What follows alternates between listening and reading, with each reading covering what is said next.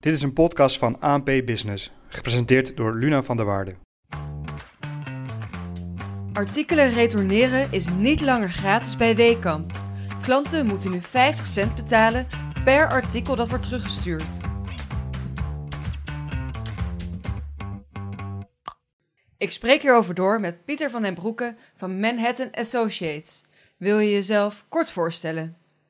Jazeker, Luna. Uh, mijn naam is Pieter van den Broeke. Ik ben algemeen verantwoordelijke bij Manhattan Associates voor Nederland, België, Duitsland en Denemarken. En wat is Manhattan? Manhattan uh, helpt retailbedrijven om goederen te verkopen en leveren op een, op een optimale manier. Zodat de beloftes die ze maken aan hun consumenten, dat ze die ook kunnen waarmaken op een profitabele en klantvriendelijke manier. Dankjewel.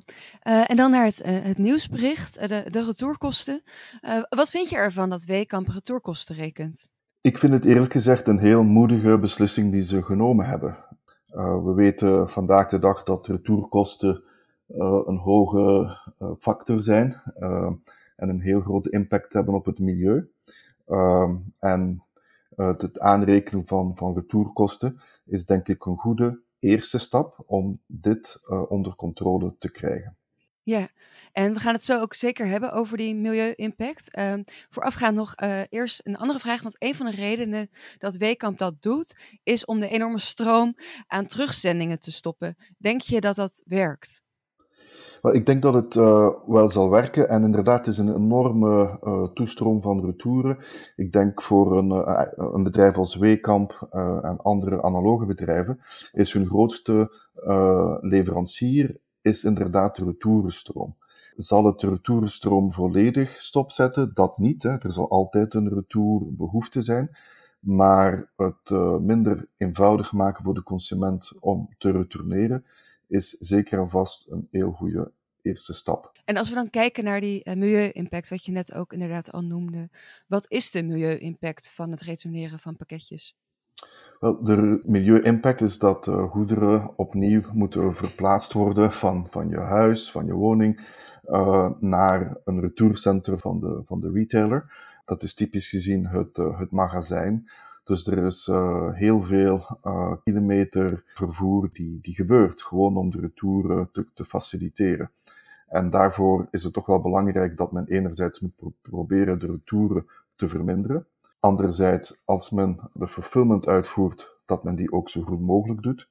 En ook de retouren, als die uh, moeten gebeuren, van die op een zo slim mogelijke manier ook te laten gebeuren. En, en als we dan kijken naar die milieu-impact en de retourkosten, denk je dan ook dat het retourkosten rekenen daadwerkelijk bijdraagt aan het verkleinen van de milieu-impact van bijvoorbeeld een weekamp? Ja, dit zal zeker het geval zijn. Dus men, men moet de consument motiveren om minder te retourneren. Dat, zou, dat betekent dat de consument moet nadenken van als ik dit koop, heb ik wel het juiste product gekocht. En is de kans niet te groot dat ik het zal moeten retourneren. Dus dat is een extra kost, is een, is een motivatie hiervoor. En dan gaat de milieu-impact, omwille van minder retouren, zeker vast naar beneden gaan. Nu, dit is niet de enigste optie en, en, en dat gaat niet de enige methode zijn om, om de milieu-impact te gaan, gaan verminderen. Uh, ik denk ook dat men moet uh, kijken naar andere retouropties die men zou willen aanbieden aan, aan de eindklant, aan de consument. Het is niet omdat men iets heeft online aangekocht, dat het ook via de post, een postpakket terug moet gestuurd worden naar, naar, naar de retailer.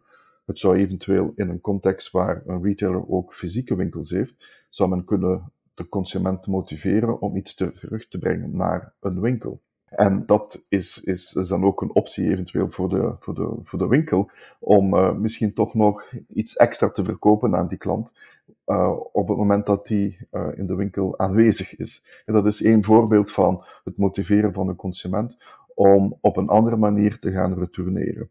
Dus eigenlijk, als ik het goed begrijp, is het, het retourneren via de post. Dat, dat is uh, helemaal niet duurzaam. Maar als je bijvoorbeeld terugbrengt naar de winkel.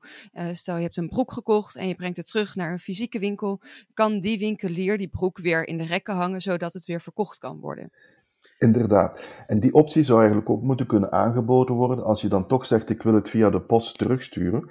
Zou de retailer, en, en dat is ook waar wij dan helpen als, uh, als, als uh, oplossingsbedrijf, uh, zou de retailer kunnen zeggen aan zelf beslissen, oké, ik ga het pakketje in ontvangst nemen via een verzendingsdienst aan het, aan het huis van de, van de klant, van de consument, maar ik ga nu beslissen als retailer, waar ga ik het pakketje naar terugbrengen?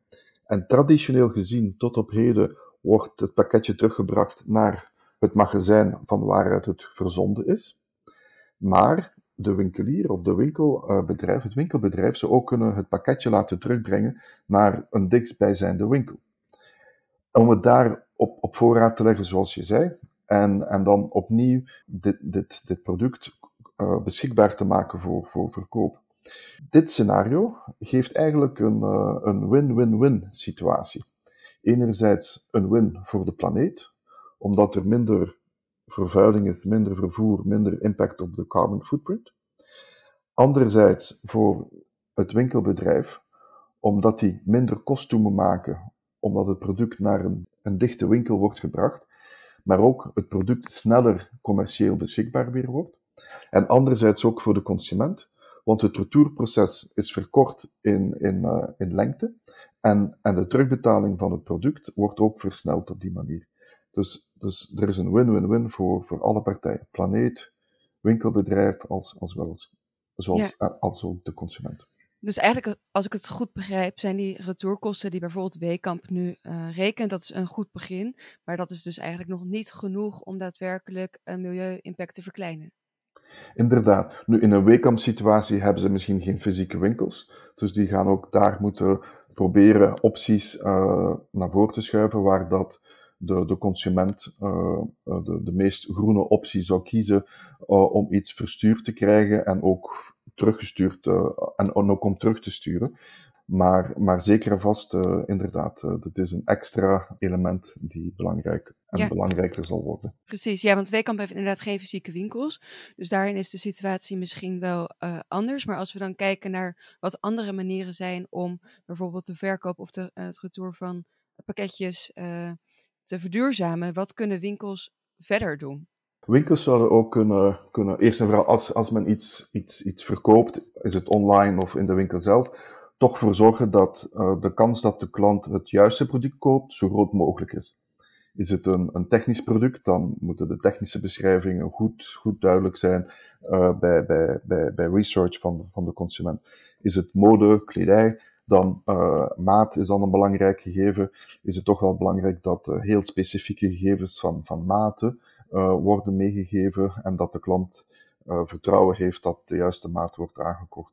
Dus dat is een, een belangrijk iets, is proberen toch de retouren te vermijden.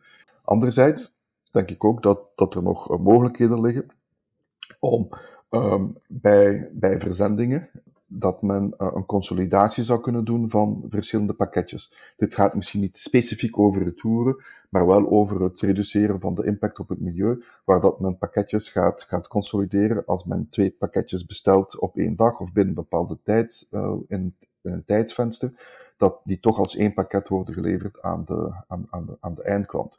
En ik ken bedrijven die vandaag de dag, uh, indien men een schoen bestelt en een truitje bestelt, dat men uh, twee verschillende pakketjes thuis geleverd krijgt, ook al wordt dat bij dezelfde retailorganisatie uh, aangekocht. Ja, het bestellen van pakketjes is natuurlijk wel heel erg uh, ingeburgerd in onze samenleving. Consumenten bestellen natuurlijk heel erg uh, veel pakketjes en die zijn ook heel erg gewend om dat uh, terug te sturen. Die nou, 50 cent wat consumenten nu zouden moeten betalen bij Weekamp, overigens ook bij een aantal andere winkels is dat al het geval, is misschien een eerste stap naar een duurzamere manier van pakketjes bestellen of van consumeren. welke verantwoordelijkheid ligt er verder bij consumenten om hun milieu-impact te verkleinen? Ja, ik denk dat uh, consumenten heel bewust moeten zijn van het milieu, maar daar ook moeten attent op gemaakt worden. Dat uh, aankoopbeslissingen die ze nemen, dat die een milieu-impact hebben, groter of kleiner. Dus daar ligt ook een, uh, een, een, mogelijkheid, een kans voor retailers om dat aan te geven bij het, het aankoopproces.